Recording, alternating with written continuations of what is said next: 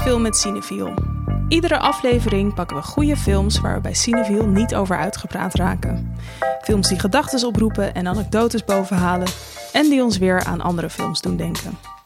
Deze keer is het dubbelfeest. We vieren de 75ste aflevering en hebben het daarnaast niet over één film, maar over een heel filmjaar. En focus. 3, 2,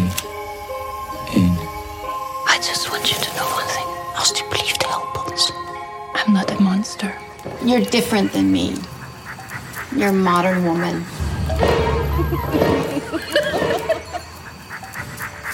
Spiegeltje, spiegeltje.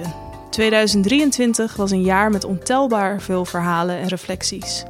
We zagen films van makers als Nan Golding, Steven Spielberg en Alice Diop die de camera op zichzelf richten. De vader van de atoombom en de moeder van Barbie gingen voor de spiegel staan. Tar ondertussen had geen zin in zelfreflectie. We droegen alles in het roze, kochten een handgemaakte blauwe kaftan en wikkelden ons hoofd in een dikke laag verband. We gingen terug naar Seoul en terug naar het Turkse all-inclusive resort met aftersun op onze rode wangen. Why don't you go over and introduce yourself? Dad, no, they're like kids. Why don't you go over and introduce yourself? What a good story this is Childhood sweethearts who reconnect 20 years later and realize they were meant for each other. حالي مدري في قفطان راجلي معلم ماشي ماكينه Nog meer feest. In deze podcast maken we de uitslag van onze goede films van 2023 verkiezing bekend. De stembussen zijn gesloten, de stemmen worden geteld en het belooft een nek-aan-nek race te worden. Mijn naam is Maan Milker en ik ben redacteur bij Cineviel. En bij mij aan tafel zitten mijn collega's Jente Buskus en Jesse Heines. Hallo. Hallo. Hallo. Gefeliciteerd met 75. Ja, Oh ja. jullie ook. Ja, eigenlijk zijn het er dus stiekem nog meer, want we hebben ook negen thuisblijven podcast gehad. Alleen die hebben we anders genummerd. Die tellen niet. Dus die tellen, Tellen niet. niet. Nee, maar de Het is ook te ingewikkeld om dat nu nog recht te trekken. Ja, precies, precies. Maar de echte trouwe luisteraar die zal wel denken van... Hè, 75? Zijn er veel toch veel meer. meer? Eh, ik heb een eh, toepasselijke openingsvraag voor jullie... eh, rondom het thema van onze, al onze eindejaarscontent... wat namelijk spiegeltje, spiegeltje is. En ik dacht, spiegeltje, spiegeltje aan de wand. Wat is jullie meest confronterende moment van afgelopen filmjaar? Ik vond het een moeilijke vraag, want ik ben niet zo goed in zelfreflectie. En meer van de school van Tar. ja, ja, vind ik echt een inspirerend figuur van het afgelopen filmjaar. Nee, ehm, wat ik denk ik eh, het meest confronterende filmmoment vond... was eh, Perfect Days van Wim Wenders. Eh, een film over een, ja, een toiletschoonmaker in Tokio... die eigenlijk een heel routineus leven leidt... en ja, elke ochtend hetzelfde doet, naar zijn werk gaat... thuis komt, boekje leest, naar bed... volgende ochtend weer hetzelfde riedeltje. Ehm, en daar komt een soort van breuk in die routine als zijn nichtje bij hem aanklopt eh, en je eigenlijk meer over hem en zijn leven weet. eh. en het is verder eigenlijk een hele zacht eh, kleine film die niet een soort van heel radicale tearjerk momenten heeft, maar ik zag wel iets van mezelf in van dat het heel makkelijk is om in die dagelijkse routine te blijven zitten en een soort van een, een schulpje om je heen te bouwen. Omdat dat gewoon minder confronterend is dan bijvoorbeeld, weet ik veel, je familiegeschiedenis aangaan of zo. Ehm, en, wel, en dat er wel heel veel waarde in zit in dat doorbreken. Dus dat ja, was niet een soort van heel confronterend moment waar ik mijn leven heel anders van ben in gaan richten, maar wel een, eh, een onverwacht herkenningsmoment of een onverwachte spiegel die me werd voorgehouden. Want het gaat ook over een hele oude man in Tokio. Eh, en aan het begin van de film leek hij helemaal niet op mij of zo. Maar toch wel. Dus het was een heel eh, mooie filmervaring. Ja. En jij, Jesse? Ja, ik had een heleboel kleine confronterende momentjes. Mijn vader is begin dit jaar overleden. En Mhm. eh, ik heb volgens mij voor dit jaar misschien één keer gehuild in de bioscoop. En dit jaar wel tien keer, denk ik. En ook vaak op een beetje random momenten. Bij Aftersun, wat over een vader gaat, wel. Eh, Niet heel random, toch? Best wel veel mensen. Ja, nee, precies, dat is niet random. Ja. eh, maar wel ook wel random. Ik was naar eh The Flash in Pathé. Wat echt geen goede film is. een gegeven moment komt Batman in beeld. En Batman heeft dan zo'n vliegtuig... wat op een gegeven moment ook een soort van uit het water omhoog kwam. En dat was zeg maar de Batman uit mijn jeugd. Dus dat was voor mij al een soort van... misschien een heel mini emotioneel momentje... maar omdat ik dus ja, emotioneler ben dan normaal. Dit was juni of zo, of juli 2023. Mijn vader is in januari overleden. Dus gewoon, ja, ik heb het nog ook bij Godzilla Minus One... had ik op een gegeven moment ook iets... toen voor iets te gebeuren en ik, ik had een soort klein breekpuntje. En dus dat vond ik wel opvallend dat ik daarvoor eigenlijk nooit zoiets heb gehad. En nu dus, nou ja, één keer per maand ongeveer eventjes een klein beetje zitten grienen. In de bioscoop. Dat is mij blijkbaar mijn manier om het te verwerken. Ja, Ja. mooi verhaal Ja. ook. Ja. ik heb zelf ook... Nou, ik hou wel heel veel, maar ik had bij Aftersun voor het eerst dat ik echt het gevoel had van... oh ja, ik kom steeds meer in een leeftijd van ouders... Maar voor mij was dat best wel iets confronterends. Gewoon dat ik me dan met eh Paul Mescal, zeg maar, eh, gewoon best wel kon identificeren. Met de vader. Met de vader. En toen ging ik hem opzoeken op Wikipedia en toen was hij gewoon jonger dan ik. Toen dacht ik echt, oh my god. Ben zo oud. echt, ja, maar dat, dat vond ik heel confronterend. Zo Ja. van, ook dat je je dan voorstelt van als je dan op hele jonge leeftijd een kind had gekregen, dat dat kind nu ook gewoon de leeftijd van Frankie had kunnen zijn. Zoals in Aftersun. En toen, had ik, toen kwam ik de film uit en toen zag ik ook zo kindjes die naar voetbal gingen of zo. En toen dacht ik echt, wow, dit had gewoon mijn leven kunnen Mhm. zijn of zo. Weet je dat? Ja, ik vond dat heel confronterend.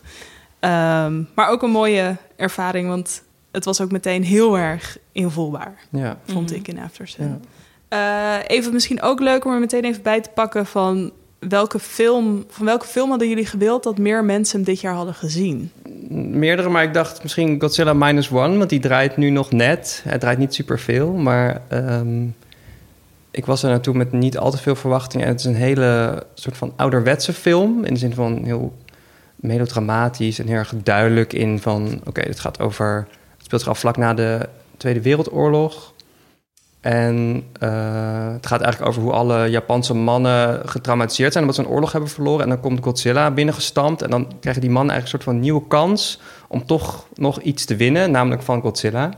Ehm, en dat werkte echt supergoed, vond ik. Eh, sowieso dus een spectaculaire film, maar dus ook... Iets Is het ik- nou live action of ja, geanimeerd? live action, Oh, ja. ja. Eh, met niet superveel geld gemaakt, maar die Godzilla is super indrukwekkend. En ik dacht van, toch jammer dat hij zo klein is. Tenminste, iedereen die hier op kantoor is, die, die, die, die er iets mee heeft, die stuur ik er ook naartoe. Ja, ja, ja. Dus, En daar ja, heb je dus ook bij geld. Zeker. Ja, mooi. Ik kan niet zeggen waarom, want dat is een spoiler. Maar, eh, ja. Ja. ja, ik had het zelf bij eh, Le Paradis, film Oh van Zeno Graton. En ik heb ook een interview met hem gedaan, dat is ook te lezen op Cineville. Ik zat even in de show notes zetten. En ik, ik vond de film heel imponerend. En toen sprak ik hem en toen vond ik hem ook heel imponerend. En toen dacht ik echt, oh ja, hier, hier komt het dus vandaan in de film. Zeg maar, Mhm. Dat hij zo goed nadacht over alles en alles zo mooi en poëtisch wist te verwoorden. Het is wel Eh, knap als dat ook vertaald kan worden naar film. Ja. Heel veel regisseurs hebben echt een heel erg goed beeld of thematiek Ja. in hun hoofd, maar dan komt het niet echt over. Ja, zeker. En het was ook een heel persoonlijk verhaal, omdat hij, het is een Belg, hij heeft een Arabische achtergrond. En zijn neef die kwam vrij vroeg in zijn leven in een jeugdgevangenis terecht. En eigenlijk zag hij gebeuren dat die neef door een soort opstapeling van allemaal gemaakte keuzes... toen dus heel vroeg in zijn leven heel erg achter eh, kwam te staan... ten opzichte van leeftijdsgenoten. En hoe dat eigenlijk nooit helemaal is goed gekomen. Ehm, maar dat hij juist zoiets had van... ja, maar mensen zien hem nu als een eh, delinquent... en niet als die jongen die ook zo goed kon zingen... of die ook zo goed kon tekenen... of die zo lief was voor ons als familie of wat dan ook. Weet je, dat... En in deze film, wat zich afspeelt in een jeugdinstelling... gaat hij eigenlijk op zoek naar die liefde en poëzie van die jongens eigenlijk. En ja, op een manier waar je niks afdoet aan, eh, aan hun waardigheid eigenlijk. Maar ook waarin je wel gewoon eerlijk bent over ja, de stappen die dan vervolgens gezet moeten worden om weer mee te doen in de maatschappij eigenlijk. En ook de ups en downs die daarbij komen kijken. En ook dat ze soms ja, daarin ook verkeerde keuzes maken, weet je. En, en, eh, en wat ik er heel verfrissend aan vond in die film was dat de liefde tussen de twee hoofdpersonen een gegeven was. Eh, want het zijn twee jongens. In plaats van dat het zeg maar de hele arc van de film was van...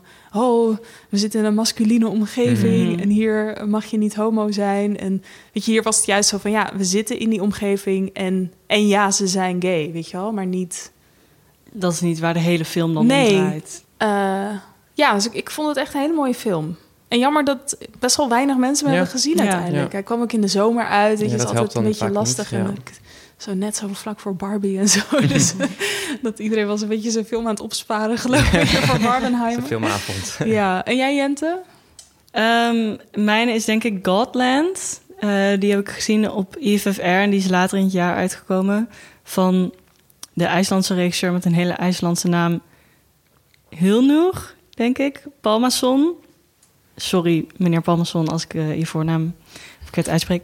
Eh, maar het gaat over een, ehm, een Deense priester die in de 19e eeuw naar IJsland trekt, wat op dat moment een Deense kolonie is, om daar eh, een kerk te bouwen en ook om foto's te maken van de, eh, de mensen daar. En ehm, vooraf dacht ik, waarom ga ik hierheen? Dit klinkt echt als een film die niks voor mij is, maar het is zo mooi gefilmd. Echt, ik ben nog nooit zo onder de indruk geweest van beelden van de natuur, dat ik echt in die zaal zat en dacht van, misschien bestaat God toch als hij dit allemaal heeft kunnen creëren. Ehm, en eh, dus dat vond ik al heel indrukwekkend. En hoe nietig de mensen in, in vergelijking daarbij lijken. En die Deense priester die komt daar ook zo van... nou, we gaan dit eens even doen. We gaan een, een kerkje bouwen. En dat landschap weigert hem gewoon eigenlijk... soort van als kolonist. Alles zit tegen, alles is koud, alles is nat. Paarden verdrinken. En hij is een hele ja, egocentrisch figuur. Het deed me een beetje denken aan There Will Be Blood. Een soort van portret van een, een man... wat dan ook portret van een land en van een geschiedenis is.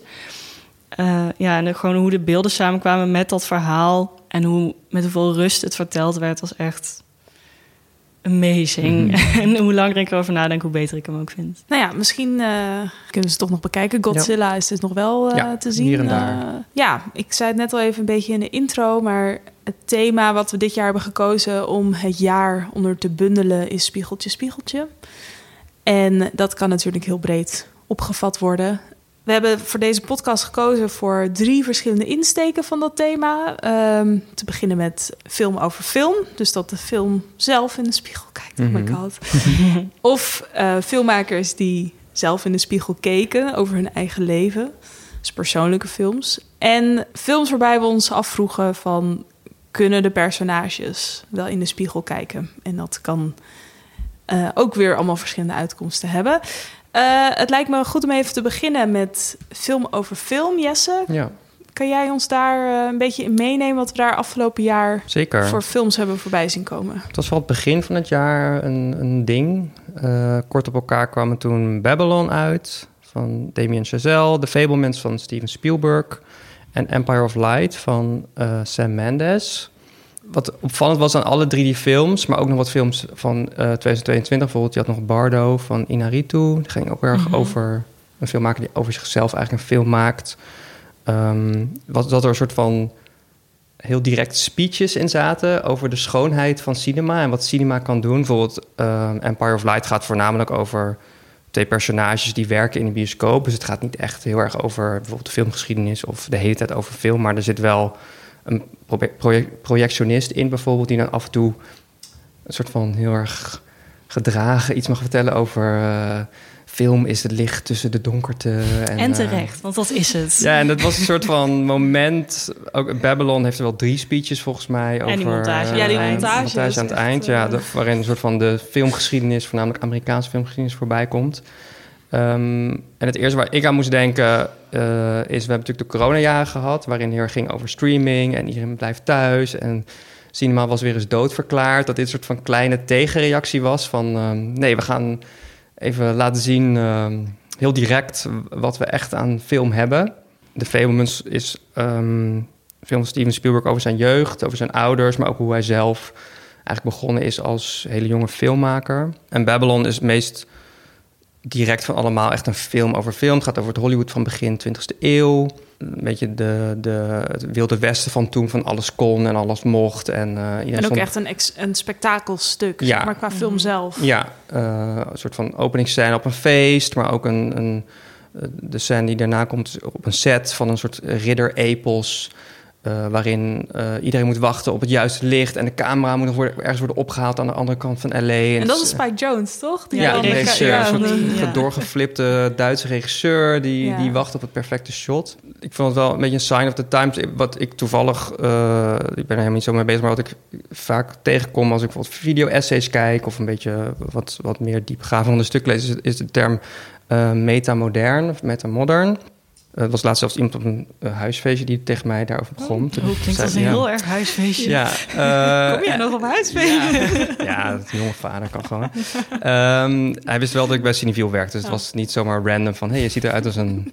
Als iemand die het over metamodernisme Ja, wil gaan hebben. Ehm, en dat is eigenlijk een soort van tussen, tussenvorm tussen modernisme en postmodernisme.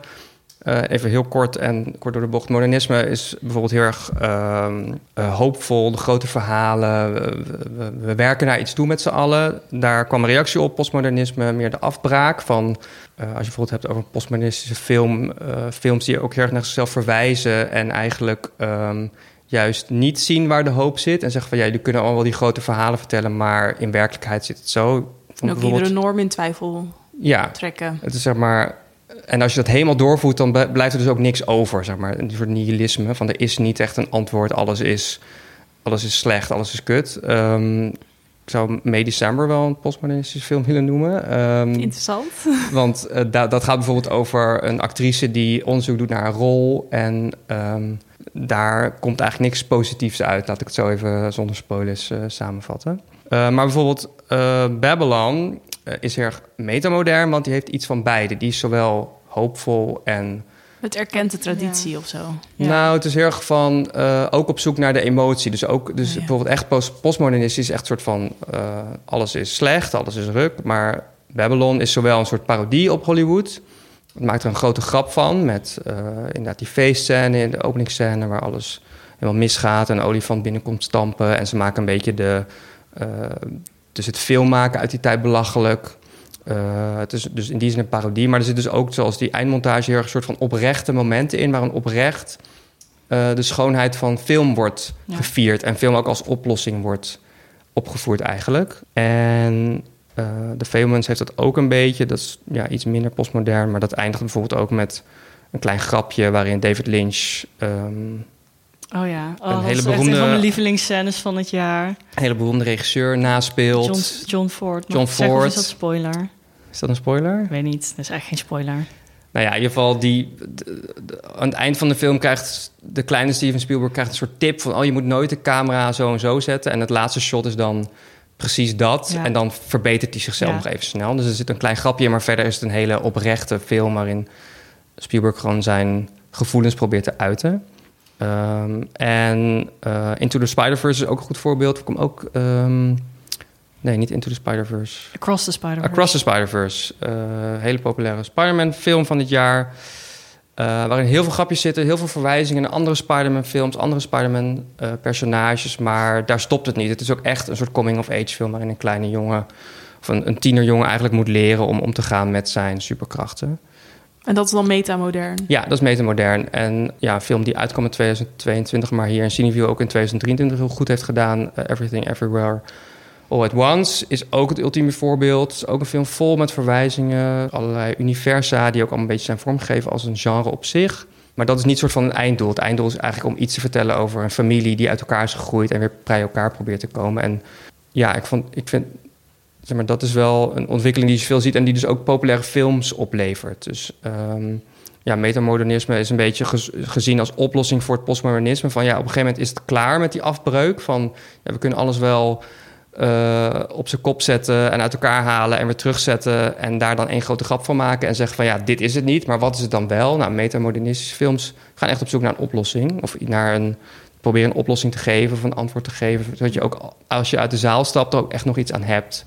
En het is wel interessant om te zien dat dat antwoord vaak best wel zoetsappig is. Ja. Nou wel, ja, ieder geval maar, zo- maar dat is dus een hele postmodernistische opvatting, Maan. Wij maar zijn, ik ben er ook in- toevallig, ik, ik heb filosofie gestudeerd en postmodernisme was ook mijn afstudering. ja, maar wij zijn ook Ja. opgegroeid in die, in die wereld van... oké, eh, alles moet een grap zijn. En zodra je probeert oprecht te zijn... dan vinden we dat al snel naïef of te Ja. makkelijk. Ja, Ja, ja, ja. Wat je ook zag in de reactie op Babylon, overigens. die, die laatste scène... we- ja, veel mensen vonden het best wel cringy, zeg maar. Van, Ik had het ook bij Barbie, moet ik zeggen, bij die montage. Barbie is ook een heel goed bijvoorbeeld. Ja. Ook zo'n film waar die niet, natuurlijk niet direct over film gaat, maar wel heel veel verwijst naar film. Ja. Eh, maar ook als je het filmelement weghaalt, Barbie gaat over Barbie. Dus het is heel zelf- zelfreflectief, heel postmodernistisch. Maar tegelijkertijd is het ook van, oh, maar... eh, er is hoop. er is hoop als we nou met z'n allen deze speech eh, op herhaling zetten... over het feminisme en de rol van vrouwen in de mannenwereld... dan kan Barbie ook nog iets goeds brengen. Mm. En ja, mijn postmodernistische brein zegt ook altijd van... ja, lekker makkelijk, maar Ja. Ik moet zeggen, ik vind zoetsappig niet altijd iets negatiefs hoor. ik wel. Oké. Nee, ja, nee, als, iemand zegt dat zoetsappig, denk ik van ja, dus dan is het Dat erg woord is wel- Ja, een soort van, ja. oh ja, te zoetsappig misschien. Nee, ja. Terwijl ik het wel heel verfrissend vind om weer filmmakers te zien die eh, vanuit een oprechte voorliefde voor film of voor whatever waar hun film ook over gaat, echt een soort van earnest pleidooi daarvoor maken. Ehm, en dat is dan soms een beetje cringe, maar wel. Dat mag ook wel af en toe of zo. Zeg maar, cringe is niet het ergste wat, wat je kan doen als persoon. En dat lijkt het soms misschien wel in reacties op dingen. Eh, maar ik vind dat soms heel fijn. Ik, ja. ik ga Zeker als het grote namen zijn die ook hele andere keuzes hadden kunnen maken. Ja, en zeker na echt, ja, inderdaad, de, de afgelopen 15 jaar aan films waarin, eh, zeker in, in de mainstream filmwereld, grote eh, oprechte emoties een beetje haha, melodramatisch werden Mhm. gevonden. Het wordt ook wel eh, volgens mij afgestraft als je eh, het niet goed onderbouwt of zo. Of als je Mhm. bijvoorbeeld Empire of Light was geen hit bijvoorbeeld. Terwijl, de, terwijl de film is van Sam Mendes, die ook 1947 heeft gemaakt. En James Bond. 1917. 1917, sorry. Even kaart aan nadenken, nog mis. Eh, die, op zich grote naam, Olivia Colman, gaat over film. Maar daar, was het, daar kwam het echt heel naïef over, vond ik ook van... twee personages die best wel heftige problemen hebben... die, die dan soort van op een hele naïeve manier worden opgelost. Mhm. Eh, ja, de, Zo van met de kracht van film. ja, dat was niet per se de oplossing, maar meer van aan het einde was het soort van semi-eind goed, al goed. Terwijl dat, ja. En dan vond de Fablemans had het wat meer verdiend, zeg maar. Mhm. dat, die, die ging wat dieper en was, was, was er wat genuanceerder over. Ja. En om het lijstje nog compleet te maken, heb je nog wat andere titels die in dezelfde categorie zouden kunnen vallen? Misschien iets minder letterlijk. Nou, wat me zo ook wel opviel, dat je ziet ook wel wat meer nu in films dat film als soort van leuk uitje wordt neer, of tenminste als een Fallen Leaves dat nu draait. Er zit ook een scène in dat ze naar de bioscoop gaan bijvoorbeeld. Dan gaan ze Ehm, naar die zombiefilm van Jim? Jarmusch. Jim Ja. Jarmusch. Een bijzondere keuze. Ja. The Dead Don't Die? Ja. Oh, wow. Ja. Asteroid City heeft het ook een beetje. Het gaat dan niet over film, maar Wes Anderson is wel echt een typische metamodernistische filmmaker die soort van het knipoog combineert met iets oprechts. Eh no Dogs or Italians Allowed ging ook erg over het maakproces. Dat was een Mhm. klei-animatie of in ieder geval een stop-motion film waarin de hand van de maker ook echt letterlijk in beeld komt. Ja, Barbie heb je net toch genoemd. May Ja. December gaat ook echt over film maken. Ja, en No Bears. No Bears, ja. Van de eh, Iraanse filmmaker... Iets naam ik niet. Jafar Panahi. Ja. Eh, ja, misschien eventjes een leuk intermezzo. Ehm Jesse, jij bent ook onze persoon van de datafeitjes binnen Zeker. Cinefiel. Data Jesse. Je moet het je zo voorstellen, Jesse die begint iedere dag eventjes met een scherm vol met cijfertjes... waar die zo eventjes leest. Oh, hoe heeft die film het gedaan? Hoe heeft die film Even het kijken gedaan? waar iedereen naartoe is geweest, wat de gemiddelde leeftijd is. Precies. Wie zijn Eh, reservering niet heeft opgehaald. oh, dat heb ik oh, ook in de oh, gaten. oh, oh. Ja. Eh, wil je daar misschien wat... Een soort eh, Sinterklaas. ja. Eh, maar dan zonder cadeautjes. Ja. Ehm, nou, wat ik, wat ik zei net over eh, bijvoorbeeld Everything Everywhere All at Once, vond ik Ja. wel interessant. Die is dus in 2000, mei 2022 uitgekomen. En in februari of maart won het dan de Oscar voor beste film onder andere. En eh, toen is die film ook heel erg teruggekomen in Cineville. Dus eerst, eh, zeg maar, van alle bezoek was een derde dit jaar. Dus de, de- heel veel mensen hebben hem Wow, toen misschien over... Ja, aandeel. dat zie je ook niet heel vaak van zo'n Oscar-winnaar... die dan nog zo'n sprong maakt. Ehm, we hebben sinds dit jaar een nieuwe best bezochte film met Cineville pas ooit. Niet Het was eerst Parasite. het was eerst Parasite. Het is geen film uit 2023, maar wel heel veel mensen hebben hem gezien in 2023. The Triangle of Sadness. Ah, Die kwam ergens uit in november. Dus dan verdeelt dat bezoek zich een beetje over het einde en het begin van het nieuwe jaar. Die is nu echt met afstand de best bezochte film ooit. Best bezochte film van dit jaar was Oppenheimer. Op Het was een tijdje Barbie. Hij heeft hem ingehaald. het was een tijdje Barbie. Het was heel lang Aftersun. Eh, en Past Life staat nu op twee. En nou, ik denk als je over twee maanden terugkomt, dat hij dan heeft ingehaald. Oppenheimer heeft Dat ingehaald. denk ik, ja. Oh, wauw. maar love niet, it. nog niet. Nee, Nee. dus Ehm, sowieso al meer bezoeken voor Best Lives dan voor Barbie. Ja, zeker. En ik had ook nog even gekeken naar Barbenheimer. Die, die kwamen net niet op dezelfde dag uit. Maar ze hadden wel ongeveer precies het aantalzelfde bezoeken op de eerste dag dat die draaide. Ah, ja. Bijvoorbeeld Barbie had dan 1815 bezoeken op de eerste dag en Oppenheimer 1830. Nou, dankjewel. Dan is het tijd om naar het volgende onderwerp te gaan binnen Spiegeltje Spiegeltje, namelijk persoonlijke films. Jente, daar heb jij wat voor voorbereid. Ja, er waren dit jaar eh, heel veel filmmakers die zichzelf een spiegel voorhielden. Zowel als filmmaker, waar Jess het net ook over heeft gehad. Eh, films die reflecteren op het maakproces van een film. Ehm, maar ook eh, eh, als een reflectie op hun eigen persoonlijkheid, op hun leven, op hun familie. Ehm, en dat is wel een interessante trend, vind ik. Ik weet niet zo goed waar het vandaan komt. Eh, misschien heeft iedereen ineens de write what you know tik weer overgenomen. dat, eh, dat we weer in onze eigen verhalen gaan kijken wat we willen vertellen. Ehm, of misschien is het iets heel anders.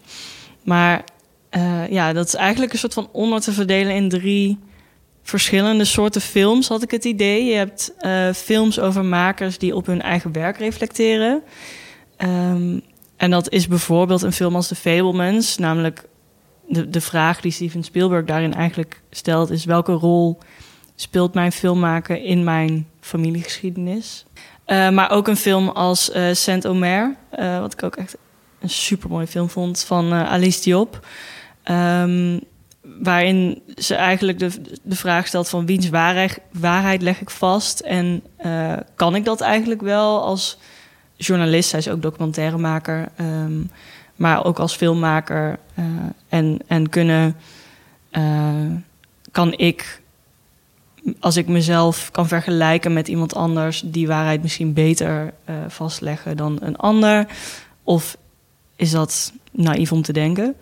Of een film als Killers of the Flower Moon, waarin ook echt het, het maakproces voordat die film uitkwam best wel belicht werd. Van dat, dat Scorsese ook heel erg veel in gesprek was geweest met Lily Gladstone over hoe ze dit verhaal ehm, wilde vertellen en konden vertellen. En eh, of Scorsese daar wel de juiste persoon voor was. Dus op die manier zijn er heel veel films dit jaar geweest waarin eh, zeker gevestigde makers, zoals een Steven Spielberg of een eh, Martin Scorsese, nadenken over hun manier van werken. En, ehm, en of dat wel interessant is of, eh, of ze dat op dezelfde manier willen blijven doen.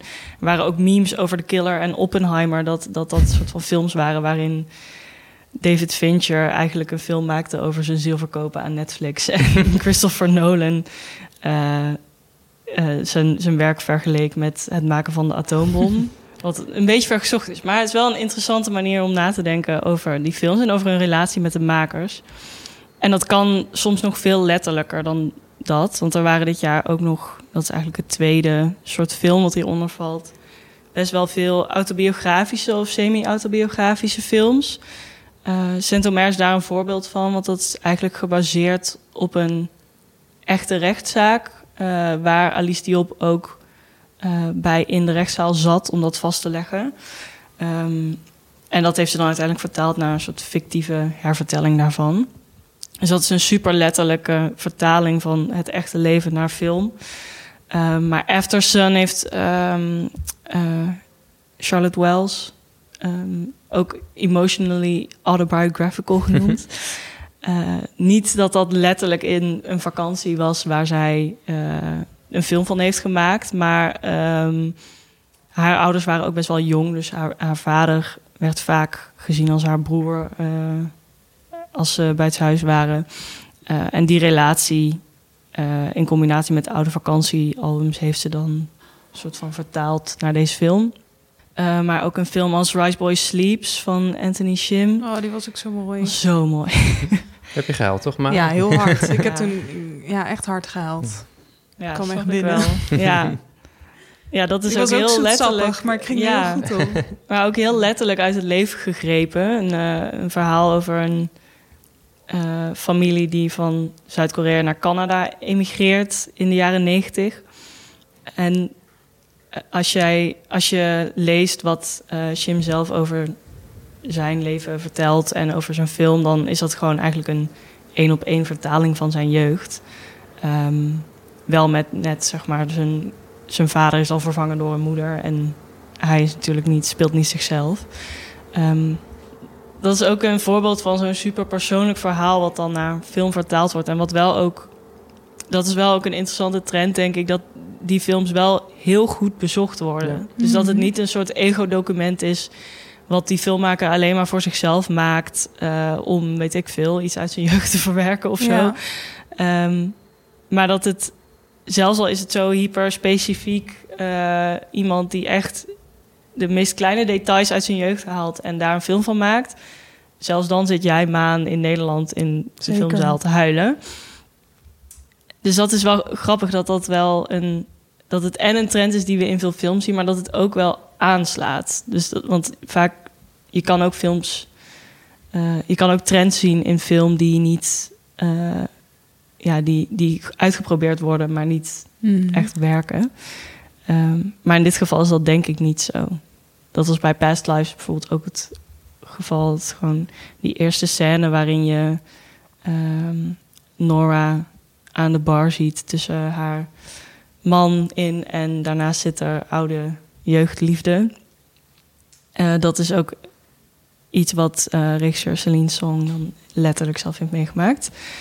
Het zijn ook allemaal hun eerste films, toch? Bedoel... Veel debuutfilms, ja. inderdaad. Ja. Dat je dan ook begint in dat bij jezelf, of wat, wat het ja. dichtst bij jezelf ligt, ja. of wat je nog altijd al wilde vertellen. Dus dan ja. is natuurlijk ook wat doe je daarna dan mm. bij je tweede film. Ja, ik ben daar bij de, deze regisseurs ook allemaal heel benieuwd naar. Naar, uh, naar wat Charlotte Wells gaat doen of, of Celine Song. Marvel-films maken. ja, misschien wel. En een, een derde spiegeltje wat ik tegenkwam in dit jaar was uh, het spiegeltje dat makers zichzelf voorhielden op een manier die wat kleiner was. Namelijk dat ze iets in zichzelf zagen en dat dan in hun personages stopten. Um, en dat merkte ik eigenlijk vooral bij de interviews die ik dit jaar heb afgenomen. Uh, maar ook wat breder in nog andere films. Het verhaal ligt in die films wel wat verder van het echte leven af. Maar misschien is het dan daardoor juist ook makkelijker om bij iets soort van de, de kern van een emotionele waarheid of iets in jezelf te komen. Omdat je niet. Uh, je hoeft jezelf niet keihard te veroordelen, maar je kan misschien wel iets stoms van jezelf ja. terug laten komen in een personage. Um, bij Passages was dat bijvoorbeeld het geval, waarin Frans Rogowski echt een verschrikkelijk persoon speelt. Um, en regisseur Iris Sachs die zei in een interview met ons dat hij het zelf beschreef als een Trumpian film. Dus echt een, een film die voor hem uit het Trump-tijdperk kwam. Uh, over mannen die een soort van spoor van vernieling aanrichten. Uh, puur omdat ze niet weten wat ze met zichzelf aan moeten. Um, maar in, in diezelfde adem zei hij ook van... oh ja, er zit eigenlijk ook wel heel veel van mezelf in Thomas, dat personage. Um, en een ander voorbeeld hiervan is Blue Jean van uh, Georgia Oakley. Ook een, een, film waarvan ik hoop dat nog meer mensen hem gaan zien, misschien ooit.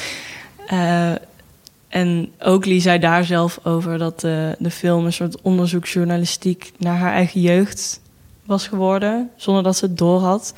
Uh, want het gaat over uh, Engeland in de jaren tachtig en een lesbische gymdocente is eigenlijk het hoofdpersonage.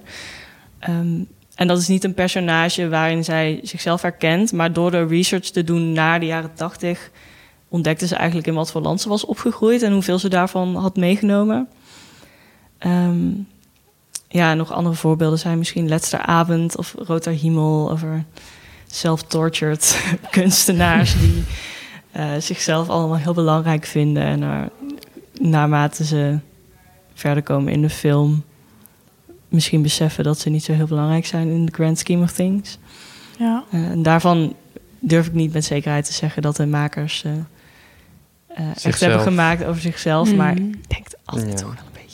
Ik vind als Nederlandse toevoeging nog, toen we van de Duitsers verloren, vond ik ook wel mm. hierin een sterk voorbeeld, omdat, omdat het zeg maar teruggaat naar dat eerste moment dat je een soort van als kind doorhebt dat andere kinderen anders in het leven staan of zo, of dat hen Hè, dat, dat jouw thuissituatie niet voor iedereen geldt. Of dat Je hebt ook een interview gedaan. Ja, toch? Guido eh, van Driel. Ja, Die ook eh, eerst een graphic novel daarover had gemaakt. Het gaat over twee jongetjes die in de jaren zeventig... een soort van verloren zomer hebben en over straat slenteren. En op de achtergrond speelt, het, speelt de verdwijning van een klasgenootje van hun.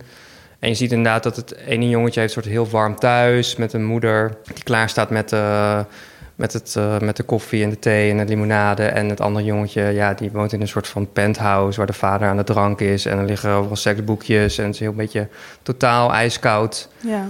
Uh, en ja, de, uh, Van Driel heeft inderdaad deels uit zijn eigen... Hij heeft ook meegemaakt Mm. dat een klasgenootje uh, wel jaren later verdween. Maar ja, hij heeft het wel geput, geput uit zijn eigen gevoelens en zijn eigen ervaringen daarbij. Dus Ja. dat was inderdaad uh, een hele mooie zwart-wit film.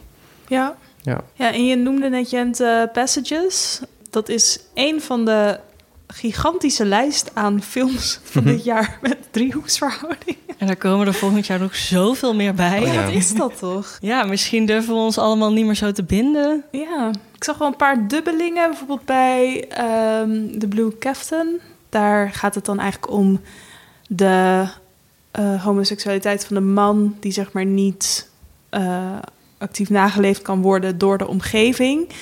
Uh, omdat dat in Marokko ook uh, ja, verboden is uh, bij wet. En dat, dat daar dus eigenlijk een soort schijnhuwelijk is, maar dat dat zo ook weer zo erg de norm is of zo. Dat dat ook weer iets heel. Ja, dat daarin ook een soort mooie componenten zitten. In de zin van dat de relatie tussen die man en de vrouw, omdat ze zo goed weten waar ze aan toe zijn, dat dat gewoon heel goed werkt of zo. Weet je, er zijn geen valse beloftes gedaan. Um, en ik zag datzelfde eigenlijk in, uh, in Maestro echt heel erg vergelijkbaar. Het was echt alsof je een soort van twee scripts Ja. over elkaar heen legt. Uh, maar dan in een hele andere setting. Dus dat vond ik wel echt opvallend. En ook inderdaad bij Passages. Uh, het gaat er voor mijn gevoel in de driehoeksverhoudingen wel meestal om... zeg maar de uh, ambiguïteit van de man. Mm -hmm. En, zeg maar, en iets minder om de vrouw. Zeg maar, de vrouw Oh, ja. is een soort van derde... Plot device. Ja, Ja. Eigenlijk, ja, misschien hebben jullie een voorbeeld waarin dat niet het geval is hoor. Maar dat was wel, wel een beetje wat mij opviel. eh.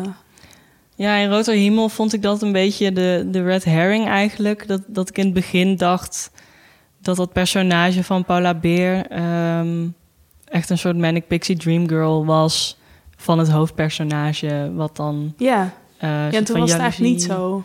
In, in werking zet of zo. Maar zij was eigenlijk het, veruit het meest interessante en gelaagde personage Ja. van de hele film. En hij was heel saai en plat.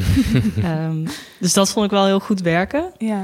Dat daar ook een beetje mee gespeeld werd. Ja, die, de, de vrouwen in, in mei-december zijn wel... Dat is gewoon een hele andere dynamiek. Ja, klopt, ja. Dus dat, dat geeft het weer op een hele andere manier vorm eigenlijk. ja. Ehm, En in Tar is het ook weer, weer net anders. Dat daar gaat het juist weer meer om de dynamiek tussen... Een soort van, eh, zo van speelt er nou iets tussen Ja. de protégé en de Oh, ja. leermeester... en dan de echtgenoot die dat ook al doorheeft, maar ook weer niet. is niet de eerste keer dat het ja, gebeurt. precies. Dan, ik weet niet, ik zag het gewoon vaak Ja. terugkomen eh, op een interessante manier. Sowieso was, waren relaties en daarin zaten sowieso soms wel grappige dingetjes. Ook bijvoorbeeld in Sick of Myself, dat dan Mhm. de twee hoofdpersonages, ja, die hebben dan een relatie, maar in alles merk je van, met wie hebben jullie een relatie? Zeg maar. Weet je, jullie Waarom mogen- zijn jullie, jullie samen? elkaar niet. Je bent alleen maar allebei met jezelf bezig. En ook, je mag ook de... Je mag zowel jezelf niet daarin, maar je Ja. mag ook de ander niet... Zowel niet in wie die persoon echt is, maar ook als hoe die persoon zich voordoet. Er waren ook wel veel films die een beetje de, eh, een soort van kritisch vraagteken zetten bij personages die een relatie willen hebben omdat ze denken dat ze daar een interessanter persoon van worden of zo. Mhm. Dus die niet eh, echt verliefd zijn of een crush hebben op iemand anders, maar die meer het idee van iemand anders dan interessant vinden. Dat vond ik ook wel leuk om te zien vanuit verschillende invalshoeken. ook. Ja, Dus nu, deze week komt eh, About Dry Grasses ook uit. Eh, en daarin zit weer een driehoeksverhouding.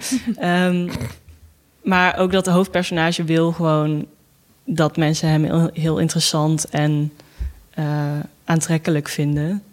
Los van wie die mensen nou zijn. Dat Ja. maakt hem dan niet uit. En als er dan iemand, iemand is die die persoon aantrekkelijker vindt, dan kan hij daar niet mee omgaan. want misschien is het wel een leuk bruggetje naar het laatste thema, namelijk van kan je jezelf dan nog wel in de spiegel kijken, weet je, als, Als je hè, het onder een soort van voorwenselen allemaal doet die misschien niet helemaal eh, houdbaar zijn altijd. Ehm, want dat is ook een deel van in de spiegel kijken, dat je iets moet met wat je daar ziet.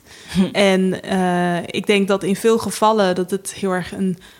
Hè, dat het, om even terug te komen op jouw verhaal, Jesse, dat het ook een heel positief verhaal was. Zo van we kijken in de spiegel en ja, we zien mensen die, voor, weet je, die het beste met de wereld voor hebben. Of eh, we zien onszelf in Barbie en we denken, oh, we mogen er zijn. Mhm. Welke Barbie dan ook, weet je wel. Eh, maar in sommige gevallen was het ook wel een stukje ingewikkelder. Ehm, met als voorbeeld Past Lives. Van, eh, dat vond ik zo'n mooie film, omdat het zo gelaagd was in het eh, geven van antwoorden, zeg maar. Dus het, weet je, van in een liefdesverhaal dan is het van, oh, of je gaat voor je jeugdliefde, of je gaat voor eh, de geliefde, waarbij het liefde op het eerste gezicht is en het allemaal perfect, weet je wel. Van er zit zo heel erg zo'n boog in, eh, wat toewerkt naar een soort ultieme liefde of naar ultiem verdriet. En dan is dat weer een mooie film. En ik vond het heel mooi bij Past Lives dat het het component van kan ik mezelf nog wel in de spiegel, dat dat er maar heel erg in zat in dat het gewoon belangrijk is dat je het aangaat, zeg maar. Dat je aangaat welke losse eindjes je nog ergens hebt en aangaat dat die verschillende gevoelens die je hebt, dat die naast elkaar bestaan of zo. En in plaats van dat je dat dan, dat je de ene helemaal wegstopt omdat dat moet van je omgeving. Of dat je juist denkt van ik moet het aangaan en dan hoeft dan komt er misschien wel tragische uit van dat het niet zo kan zijn door wat voor omstandigheden dan ook. Maar dan heb, kan je in ieder geval jezelf ook weet je wel aankijken op een manier dat het ja dat het houdbaar is. En ik vond ook interessant dat daarin ook het vaak ook omgekeerd was. Van dat eigenlijk dat je, bij, dat je bedenkt van volgens mij kunnen deze personages zichzelf uiteindelijk niet meer in de, in de spiegel aankijken. Ja. Bijvoorbeeld in Killers of the Flower Moon, zonder daarin te erg te spoilen. Ehm, maar ook in eh, Sick of Myself, ik noemde het net al eventjes, over iemand die eh, totaal, eh, echt totaal uit de hand gelopen aandachtshonger heeft. En daar gewoon zo ver in gaat, maar niet per se naar anderen toe, maar gewoon het helemaal op zichzelf richt. En gewoon zichzelf de gekste dingen aandoet om maar die Zielig te aandacht, zijn, ja, zielig ja. te krijgen, eh zielig te zijn, die aandacht te krijgen. En eh, dan vraag je aan het einde af van ja, en nu? Want jij moet nu nog met jezelf doorleven, terwijl iedereen je al voorbij is gescrolld, weet je wel, op social media. Wel grappig dat dat personage influencer is en dus meer dan waarschijnlijk wie dan ook op een dag in de spiegel kijkt. Ja. In selfie-modus. Ja, nee, zeker. En in hetzelfde, in May December zit heel letterlijk een spiegel dat Julian Moore en Natalie Portman, die kijken elkaar dan aan. Ehm, en ik, ik had een interview gelezen over hoe moeilijk het was om dat op te nemen. Ja, omdat het is dus moeilijk om elkaar een soort van aan te kijken. Want er is natuurlijk geen spiegel bij het opnemen. Je moet gewoon in de, Lens kijken. in de verte Ze kijken kijken. elkaar aan via de spiegel, Ja. maar eigenlijk soort van net niet in de camera. Ja, toch? precies. Dus dan moet je zo dat helemaal precies uitmeten. En dat was moeilijk. Ehm, maar daarin is het ook van dat iedereen zo erg bezig is met. ehm, de, ook de actrice die komt daar aan bij het gezin. Eh, er is een heel groot leeftijdsverschil tussen man en een vrouw. Waarvoor de vrouw eh, nou ja, de gevangenis in is gegaan. Eh, dat wordt al vrij snel duidelijk.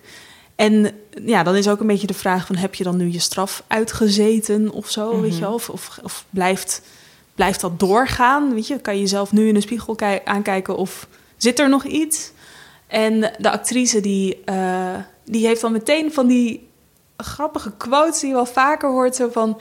ja, ik kom hier gewoon om het, verhaal, om het echte verhaal te vertellen. En alsof dat je ook een soort van kwijtscheld... vrijbrief Ja, een soort vrijbrief van... oh ja, dus nu mag ik gewoon me helemaal... ja, nu heb ik zelf geen regels meer waar ik me aan hoef te houden of zo, Ja. weet je. Want het gaat alleen maar om het verhaal. En ik vind ook dat dat in die film ook heel gelaagd hè, wordt verteld. Eerst dat je nog best wel een beetje meegaat in het verhaal. En dan gaandeweg, dan kom je er steeds weer achter van dat... eh, dat je nu wel een volwassen man voor je hebt, maar dat daarin ook nog echt dat kind zit. En dan wordt het heel snel heel. eh, ja, ik kreeg er dan echt een hele nare nasmaak Ja. van, zeg maar. Eh, dus ik kon mezelf haast eigenlijk eventjes niet in de spiegel kijken naar die film, weet je. Dan Ja, ook omdat je van- je eerste acte verlekkert aan dit verhaal en wil, wil Ja. weten Ja. wat er speelt. En, En, dan als je het weet, denk je, waarom, waarom wilde ik dit zo graag weten. Ja, Zo. precies. En het deed me ook echt denken aan... Ik moet eerlijk toegeven, van ik, ik lees echt best wel veel, eh, zeg maar, achterklap. Mhm. Ehm, het zit echt heel erg in mijn systeem om dat gewoon op te zoeken, zeg Waar maar. lees je dit? Wat Ja, voor- waar niet. eh, Nu.nl slash achter. Nou ja, dat is een voorbeeld. Ik ben benieuwd. Waar, waar vind ik de beste achterklap? ja, maar ook RTL Boulevard of zo, weet je wel. Mhm. En ik kijk het dan niet, maar ik kijk wel soms even op die site van... oh, wat is er nou weer gebeurd? En ik moet zeggen, van daar moest ik ook wel even twee keer over nadenken... na het zien van die film. Dat ik dacht van ja, wat, wat richt je daar eigenlijk ook mee aan? Weet je wel, om Mhm. daar als toeschouwer zo bij betrokken te zijn. En ook hoe wat waait het weer snel over. Dus dat. Ja. er iets in iemands leven kan gebeuren... en dat heeft dan heel veel impact... en ik ben het de volgende dag weer vergeten. Ja. Maar ik heb wel bijgedragen aan die impact. Dat gevoel ik bij eh, Killers of the Flower Moon aan het eind ook Mhm. heel erg. Mhm. Dat, er zijn meer van dit soort verhalen Ja. waar je dan met een podcast of zo helemaal in kan duiken. Gewoon omdat je iets wil hebben afspelen tijdens het doen van de afwas of zo. Ja. En dan de volgende dag ga je weer iets anders luisteren. En Ja. Dan weet je het wel, maar sta je er echt bij stil? Ja. Nee. Nee. Nee, zeker. Ik heb dat zo voor jezelf in de spiegel kijken op meerdere manieren gezien. Eh, en ik vond het ook mooi op zich dat Sweet Dreams van Anna Sendjarovic... eh, waar we rondom haar vorige film Take Me Somewhere Nice hebben een podcast met haar opgenomen. Dat is echt way back. Ehm, maar die is nu, was in het filmthea- in het filmtheater met haar tweede film. En zij wilde wel heel erg een spiegel, eigenlijk een soort lachspiegel voorhouden... eh, aan Nederland over ons koloniale verleden. En eh, ja, dat is natuurlijk een mooie ook- metafoor. Dank je. Mhm. Dank je. Ja. dus dat, ja, dat vond ik ook een manier. En dat gebeurt eigenlijk ook een beetje met Tar. Eh, dat is ook zo, soort van zo dik aangezet Mhm. dat het haast een soort. ehm, Er zitten zoveel spiegels in die film ook. ja, klopt, ja. Eh, maar dat werkt daardoor heel goed, omdat het gewoon iedere nuance weghaalt. En Ja. ook gewoon niet je het antwoord geeft wat je wil horen aan het einde van zo'n verhaal. Ja, en ik vond de Banshees of Inisherin daarin ook wel, eh, niet daarin, maar met het in het spiegel kijken ook wel een leuk voorbeeld. Omdat je dan opeens door je omgeving wordt er opeens tegen je gezegd: Ik wil je niet meer. Mhm. Ja.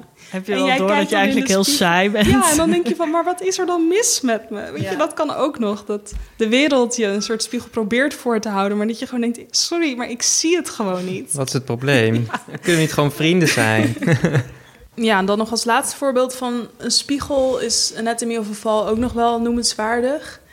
Omdat het daar, daar word je soort van gedwongen om in de spiegel te kijken met de halve wereld die meekijkt. En je, bent ook nog, weet je, je hebt ook nog een eet afgelegd, dat je de waarheid moet spreken. En daarin zie je ook hoe erg dingen eh, met perspectief te maken hebben. Ja, Weet je? Dus hoe dichtbij je bij de spiegel worden. staat of hoe ver weg je staat. En, ehm, dus daarin wordt juist het hele idee van, een, van het, het waarheidsgehalte van de spiegel best wel in twijfel getrokken. Ja.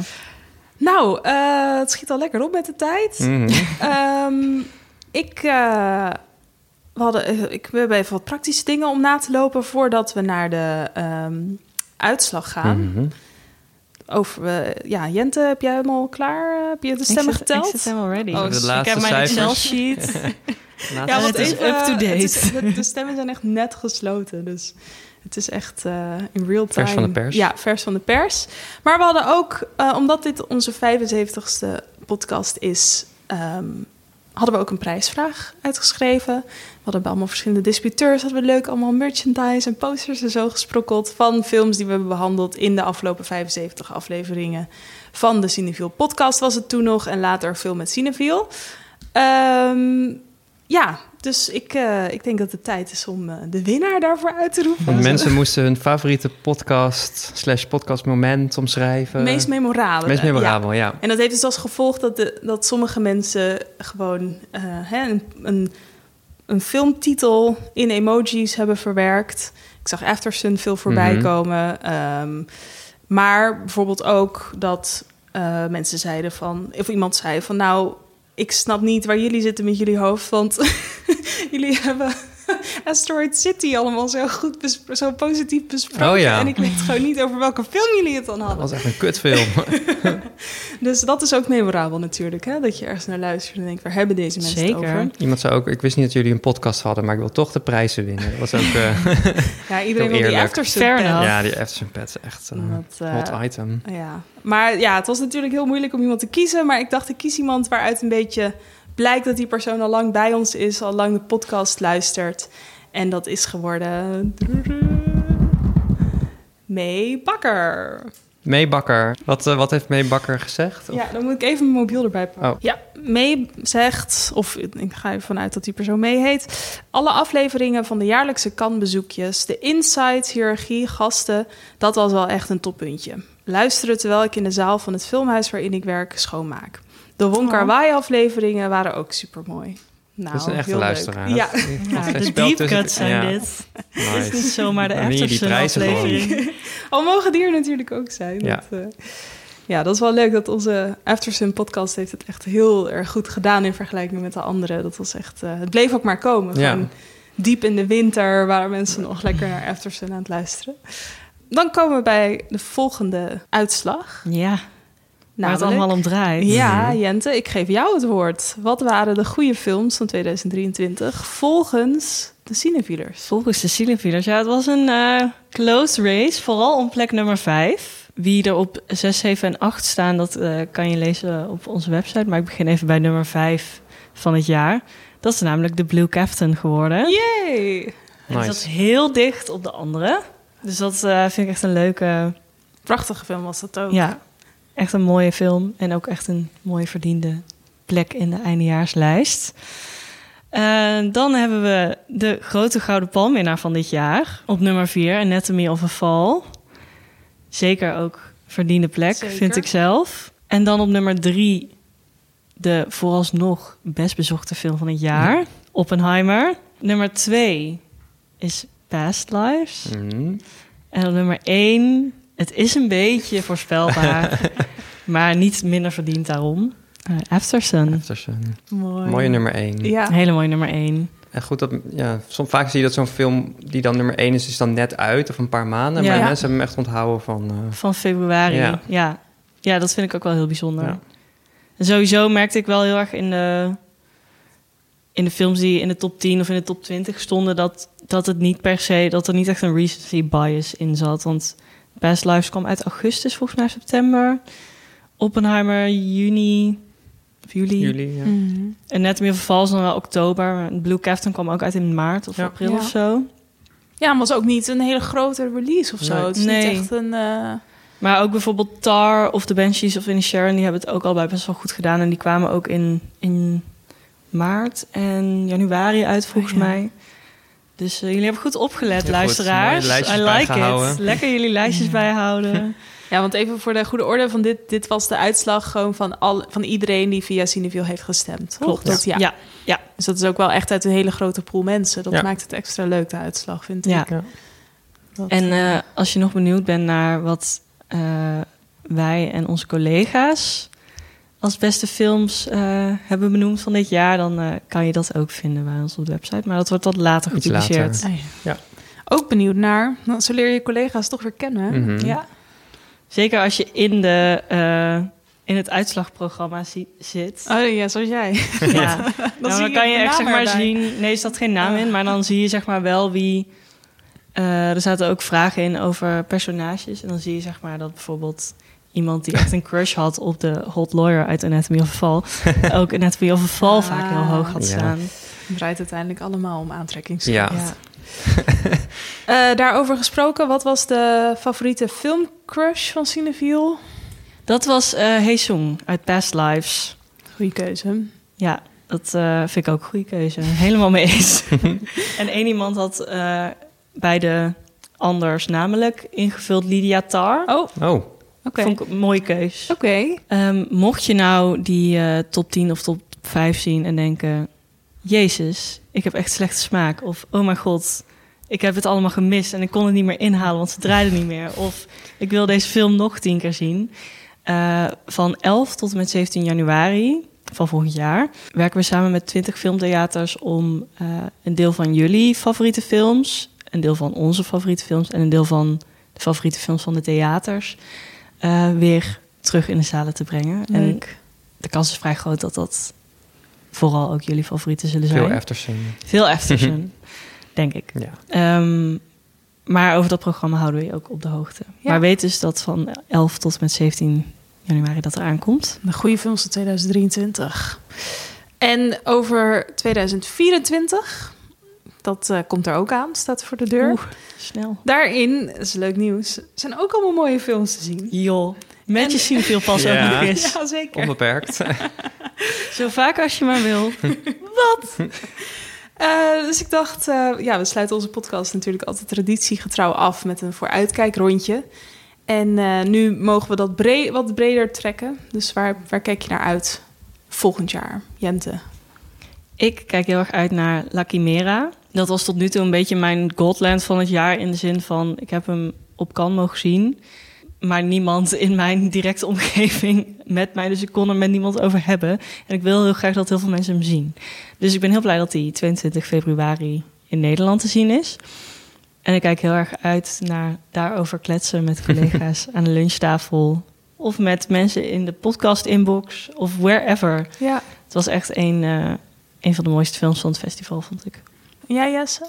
Ehm, ik kijk erg uit naar Poor Things van Jorgos Lantimos. Die zou eigenlijk al in september of zo uitkomen, maar toen was er een staking hier en Ja. daar. Ehm, dus voor mijn gevoel eh, had, ja, had ik al tien keer heen kunnen gaan. Eh, Ik ben groot fan van de regisseur, ik ben groot fan van Emma Stone en ik ben groot fan van het boek. Het is, op het, boek eh, het is deels gebaseerd op Frankenstein en dit is weer een soort van hele nieuwe... Het is ook een echt boek trouwens. Poor Oh. Things is ook een boek. Nou, daar ben ik geen fan van, maar wel van het Frankenstein boek. Eh, mooie kostuums, mooie posters, mooie stils. Eh, vanaf begin februari eindelijk te zien. 8 februari. 8 februari. Het wordt ongetwijfeld een van de beste bezochte films ook van het jaar. Ja. Hou ik ook wel van. Pas- heet passen verkopen. ja. Ja, dus eh, ik heb er zin in. Leuk. Ja, ja, ik zelf kijk uit naar een film die de oplettende cinewieler al had kunnen zien in Cineviel, namelijk tijdens het Imagine Filmfestival eh, afgelopen najaar. Eh, het gaat om Tiger Stripes, een Maleisische film van Amanda Nel Neu. Nel Eeuw, sorry. En ehm, zij heeft in Cannes heeft ze prijzen gewonnen met deze film. Ehm, en het is de Maleisische Oscar-inzending. En wat wel bijzonder is, is dat het eh, in Maleisië is alleen maar een hele gecensureerde versie ervan te zien. Want het is eh, te feministisch, eh, te real over ongesteldheid en puberteit en dat soort dingen. En nou ja, los van dat dat natuurlijk helemaal niet leuk is voor de mensen daar, is het vaak wel een goede reclametekst. Als een film ergens is gecensureerd. Zetten we erbij op de website. ja, dan is dat vaak wel een film met onderwerpen die dingen een beetje willen losschudden en voor, vooruit brengen. Dus ehm, ja, ik kijk er heel erg naar uit. Ik heb hem dus al gezien eh, tijdens Imagine en daar heeft hij toen ook de hoofdprijs gewonnen. Eh, weet ik, omdat ik in de jury zat. Hebt hem dus zelf daar was- uitgedeeld, maar- precies. Nou, kan je- Shocker. kan je voorstellen hoe goed ik hem vond? Ehm, en eh, ja, dat wordt gewoon echt 100% een Cineview film. Eh, met superleuke, super foute CGI. Gewoon echt, ja, gewoon zo chill. Gewoon echt alsof iemand in Paint, hoe heet dat? Press? Nee? In Art? Word Art? Word Art. Paint, Paint? Microsoft Paint. Wow, ja, al deze programma's, ik gebruik ze. Ja, in Microsoft Paint gewoon... Ja, een Special soort effects van special effects. Oh, oké. Echt heel fijn. Ehm, die draait in maart. Dus eh, ga daar, ja, ga daar ook allemaal heen eh, tegen die tijd. Ehm, dat was hem weer. De laatste film met Cineville van 2023. Volgend jaar zijn we weer bij jullie terug. Een hoop films die we deze podcast hebben besproken... kan je dus van 11 tot en met 17 januari zien... tijdens het programma De Goede Films van 2023 in Cineville. Eh, wil je weten welke films er nog meer ter sprake kwamen? Check de show notes op onze website... Eh, wil je op de hoogte blijven van alles wat er speelt? Schrijf je dan in voor onze nieuwsbrief. Wil je meekletsen of heb je vragen? Je kan ons altijd mailen op podcast.cinewiel.nl. Eh bedankt voor het luisteren en dankjewel Jente en dankjewel Jesse. En gelukkig nieuwjaar. Jullie ook alvast. Doei! Doei.